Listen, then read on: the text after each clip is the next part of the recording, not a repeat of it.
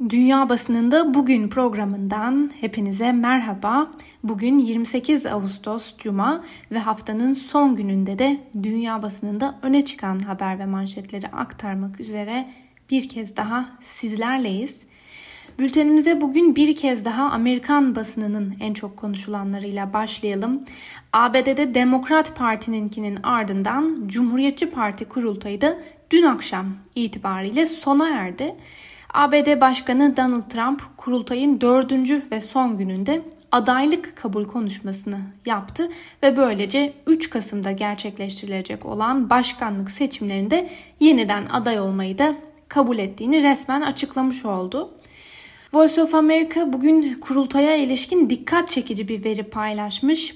Televizyon izlenme oranlarını ölçen Nielsen şirketine göre Cumhuriyetçi Parti kurultayı ilk gecesinde 17 milyon kişiyi ve ikinci gecesinde ise 18 milyon kişiyi ekran başına topladı. İlk gecenin izleyici sayısı 2016 yılındaki Cumhuriyetçi Parti kurultayının izlenme ölçümüne göre %26'lık bir düşüşü ortaya koyuyor. New York Times gazetesinin konuya ilişkin yaptığı bir analize göre Trump kurultay boyunca kuralları ayaklar altına aldı ancak salgın ve etkilerinin üstüne basıp e, kenara atması çok daha zor olacak.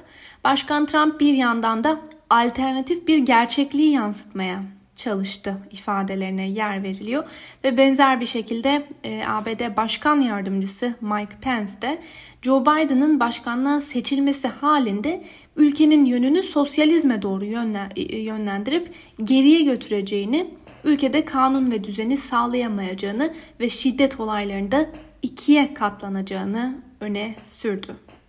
Gazetenin aktardığı Cumhuriyetçiler yepyeni bir Trump'ı pazarlayabilecek mi başlıklı bir yorumda ise kurultayda geliştirilen söylemlerin Trump'a oy getirip getirilmeyeceğinin tartışıldığı belirtiliyor.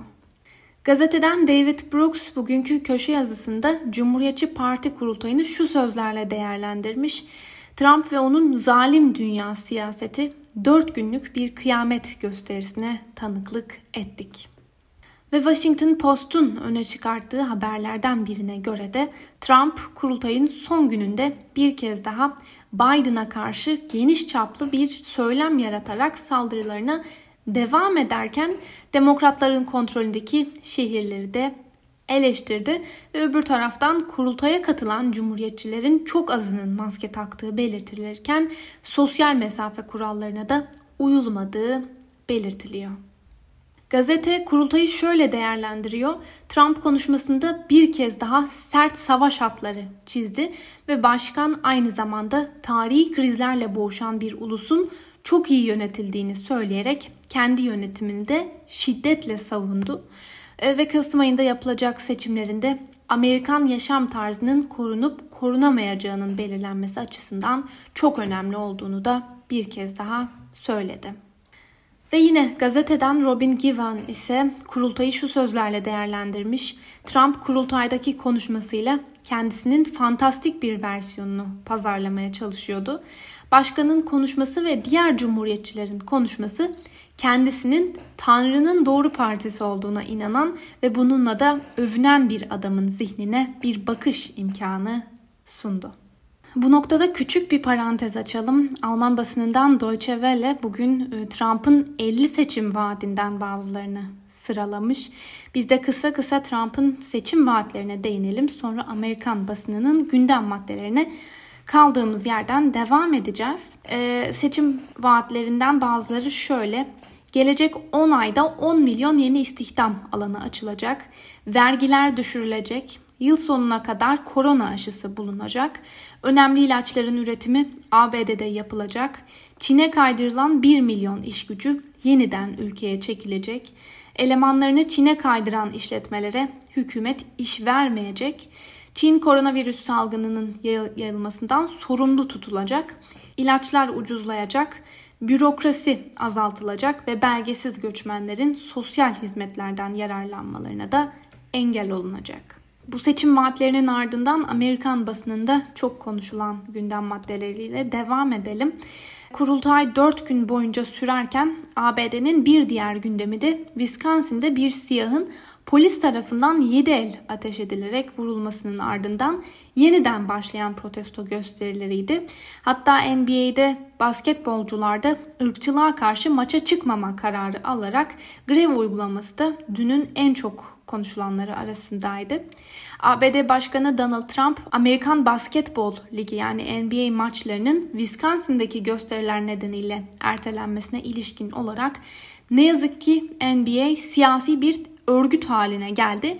Bu iyi bir şey değil, ülkemiz ve sporumuz için hiç iyi değil değerlendirmesini de yaptı. Konuya ilişkin önemli bir haberi daha sizlere aktaralım. Jacob Blake'in yaşadıklarına tepki için başlayan gösteriler devam ederken sokağa çıkan protestocular bazı kesimlerden e, destek yerine tepki gördü. Wisconsin'de kameralara yansıyan görüntülerde Ritterhouse isimli bir gencin elinde tüfekle sokağa çıkması ve siyahların hayatları önemlidir hareketinden göstericilere ateş açtığı görülürken ırkçı ve kışkırtıcı açıklamalarıyla tanınan Fox News sunucusu Tucker Carlson olayla ilgili yayında şehirdeki şiddet ve mülke zarar verme eylemlerine bakınca bu gencin hareketinin anlaşılabilir olduğunu savundu. Carson ayrıca yetkililer şehri bıraktığı için Kenosha anarşiye teslim oldu. Wisconsin'in yönetiminden sorumlu kişiler yasaları yerine getirmeyi reddetti. Kenara çekildiler ve Kenosha'nın yanmasına seyirci kaldılar diye konuşmuştu. Voice of America'da ABD'de Laura kasırgasında en az 4 can kaybı başlığıyla aktardığı habere göre de ABD'nin Louisiana eyaletinde etkili olan Laura kasırgasında 4 kişi hayatını kaybetti ve Başkan Donald Trump'ın da bu hafta sonu bölgeyi ziyaret etmesi bekleniyor. Dördüncü kategoride bir kasırga olarak karaya vuran Laura'nın geride bıraktığı tahribatın tam olarak değerlendirilmesi günler sürecek. Ancak ilk belirlemelere göre e, çok sayıda mahalleyi ve 875 bin kişiyi elektriksiz bırakmış olsa da kasırga hava tahmini uzmanlarının korktuğu gibi bir sonuca yol açmadı. Bu haberlerin ardından bültenimize İngiliz basınıyla devam edelim. The Guardian gazetesi bugün bir iddiayı manşetine taşımış. Buna göre İngiltere'deki bakım evlerinde koronavirüs sebebiyle hayatını kaybeden insanların sayısının saklandığı ve net bir şekilde açıklanmadığı iddia ediliyor ve bunun sebebinin de bakım evlerinden mali çıkar sağlayan veya bir şekilde buradan para kazanan insanları korumak olduğu belirtilmiş. Ancak gazeteye göre kurum yerine insan sağlığı ön plana koyulmalı. Ve aynı iddia bugün Ay gazetesinin de manşetinde buna göre bakım evlerindeki yönetimler gerçek ölü sayısının ortaya çıkması durumunda standartların düşeceğinden ve mevcut yatak sayısının da düşürüleceğinden endişe ettiklerini dile getiriyorlar. The Daily Telegraph gazetesi bugün dün de yaptığı gibi işe geri dönüşlerin teşvikine ilişkin bir haberi manşetine taşımış ee, ve haberi de ofislerinize geri dönün ya da işinizi kaybetmeyi göze alın başlığıyla duyurmuş. Salgın nedeniyle evlerden çalışan ofis çalışanlarının yeniden ofislere dönmeleri için önümüzdeki hafta bir kampanya başlatılacağı da açıklanmış. Ofise geri dönüşlerin teşvik edilmesi bugün The Times'ın da gündeminde. The Times'ın aktardığına göre İngiltere Sağlık Bakanı Matt Hancock çalışanların ofise gidip gitmemelerinden çok çalışanlarının ne kadar verimli çalıştığının önemli olduğunu savunuyor. Ancak öbür taraftan ofislere geri dönme tartışmalarının da kabinede bir çatlağa neden olduğu belirtilirken Sağlık Bakanı Matt Hancock'un diğer bakanların baskısıyla karşı karşıya olduğu da belirtiliyor. Independent'ta öne çıkan bir yorumla devam edelim. Gazeteden David Cockburn bugün ABD yaptırımları ve salgının Suriyelilere dayattığı tercih ekmek mi maske mi başlıklı bir yazı kaleme almış. Bu yazının satır başlarını sizlere aktaralım. Bir hastane hemşiresi ABD'nin Sezar yasası yaptırımlarının ve Suriyeli yetkililerin hafife aldığı Covid-19 yayılımının yıkıcı etkilerini anlatıyor. Şam'da 68 yaşında emekli bir öğretmen neden maskesi, dezenfektanı ve ilacı olmadığını anlatırken maske veya ilaç almazsam ölebilir ya da hayatta kalabilirim ama ailem için ekmek almazsam hepimiz açlıktan ölürüz diyor. Trump'ın yılın sonlarında imzalayıp yasalaştırdığı Sezar Suriye Sivil Koruma Yasası uyarınca 17 Haziran'da Suriye'de uygulanmaya koyduğu ve tüm toplumu kapsayan yaptırımlardan bu yana yolsuzluk ve yoksunluk önemli ölçüde arttı. Binlerce Suriyelinin Suriye hükümeti tarafından katledildiğini belgeleyen e, kişinin adını taşıyan yasa güya hükümetin daha fazla baskı eylemi gerçekleştirmesini engellemeyi amaçlıyordu. Ancak insan hakları örgütlerine göre yeterli gıdadan yoksun Suriyelilerin sayısı son 6 ayda 1.4 milyon artarak nüfusun yarısını geçti ve 9.3 milyona ulaştı. Sezar yasası ve koronavirüs Esad'ı, Rusya'yı veya İran'ı zayıflatıyor gibi görünmüyor. Fakat hepsinin birlikte sıradan Suriyelileri derin ve ölümcül bir batağa sürüklediğine dair tüm işaretler mevcut. Sudan'a ilişkin bir yazıyla devam edelim. Osman Mirgani bugünkü köşe yazısında şu sözlere yer vermiş. Başarısızlığın yetim, başarının ise bin tane babası olduğu söylenir. Bence bu Sudan'da yaşanan savaşın bir özetidir. Son birkaç gün içerisinde geçiş hükümeti taraflarıyla sivil ve askeri bileşenleri arasında ortaya çıktığını söyleyebiliriz. Ülkedeki çökmüş ekonomik durumu düzeltmedeki başarısızlık dolayısıyla herkes bir diğerini suçluyor. Krizlerin sivil ve askeri bileşenler arasında bir düelloya dönüşmesi hiçbir şekilde halkın yararına olmayacaktır. Ee, yani gemi battığı takdirde kimse güvende olmayacaktır. Acı çeken ve sabreden halk bugün olduğundan daha iyi bir yaşamı hak ediyor. Japon basınında geniş yer bulan bir haberle devam edelim. Japon basınında yer alan haberlere göre geçen hafta en az iki kere hastaneye gittiği belirtilen Japonya Başbakanı Shinzo Abe'nin birkaç sağlık problemi nedeniyle istifa etmeyi planladığı öğrenildi ve Sputnik'in aktardığı habere göre Abe'nin istifa haberi ilk olarak ulusal yayın kuruluşunda verildi. Fransız Le Monde gazetesinin aktardığı bir haberle devam edelim. Buna göre Fransa'nın başkenti Paris'te Covid-19 salgınında vaka sayılarının artması üzerine kentin tamamında maske kullanımı bugünden itibaren zorunlu hale geldi. Yoğunlaşan tartışmalara rağmen hükümetin pazartesi günü açılacak olan okullar konusunda da geri adım atmayacağı belirtiliyor. Öbür taraftan ülkenin Sağlık Bakanı Olivier Veran, Covid-19 aşısının 2020 yılı sonu veya 2021 yılı başında kullanıma hazır olacağını duyurdu.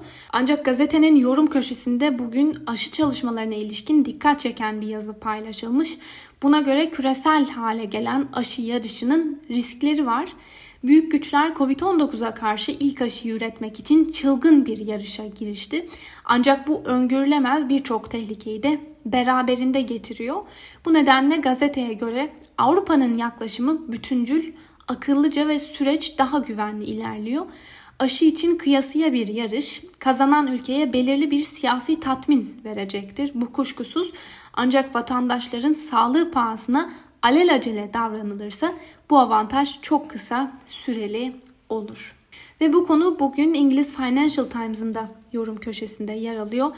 Financial Times'a göre erken verilecek bir izin aşıya güvensizliği besleyebilir ve geniş kitleler ancak tamamen güvenli olduğunu düşündüklerinde aşı olacaktır. Euronews'ta öne çıkan bir haberle devam edelim. Rusya, Belarus'ta tartışmalı seçim sonucu Cumhurbaşkanlığına devam eden ve ülkesindeki muhaliflerin gösterileri yüzünden zor günler geçiren Alexander Lukashenko'ya hem maddi hem de güvenlik alanında destek açık e, vereceğini açıkladı.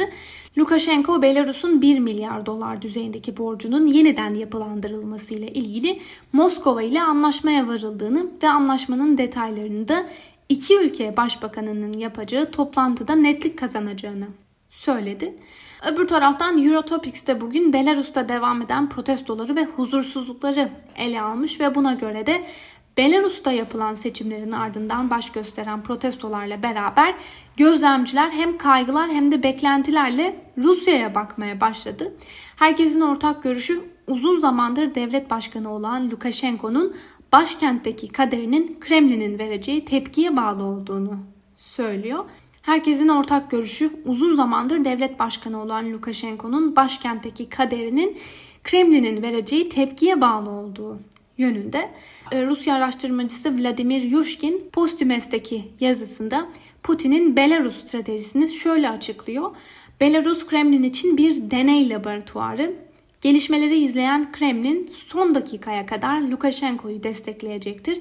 Ama uzaktan Kremlin devrimin kaçınılmaz olduğunu anlarsa tarihin akışına karşı durmayacak ama gidişatı kendisine en uygun şekilde yönlendirmeye çalışacaktır. Başka bir deyişle Kremlin Lukashenko'ya sırtını dönecek ve başka birine yatırım yapmaya başlayacaktır. Şu anda gelişmeleri Rusya'nın iktidarı ele geçirmek için yeni siyasi teknikler denediği dev bir deney laboratuvarındaymış gibi izleyebiliyoruz. Ve son olarak Çin basınından Global Times'ta öne çıkan bir yorumu aktaralım. ABD'de Demokrat Parti Başkan adayı Joe Biden'ın kampanya ekibi Çin'in Uygurlara muamelesini soykırım olarak nitelendirmiş ve Donald Trump'a eyleme geçme çağrısında bulunmuştu. E, zaten Çin hükümeti Sincan bölgesindeki Müslüman Uygurlara ve diğer azınlık gruplarına muamelesi nedeniyle uzun süredir de insan hakları gruplarının ve ABD'li diğer birçok parlamenterinde eleştirisine maruz kalıyordu. Ancak Global Times'ın e, bugün aktardığı yorumda şu ifadelere yer veriliyor. ABD seçim kampanyalarında utanmazca Sincan meselesi tartışılıyor ve bir kampanya malzemesi haline getiriliyor. Ayrıca burada bir soykırım yapıldığına dair absürt iddialar da dolaşıyor. Sevgili Özgürüz Radyo dinleyicileri, bu yorumla birlikte bugünkü programımızın da sonuna geldik. Haftaya pazartesi günü aynı saatte görüşmek dileğiyle Özgürüz Radyo'dan ayrılmayın. Hoşçakalın.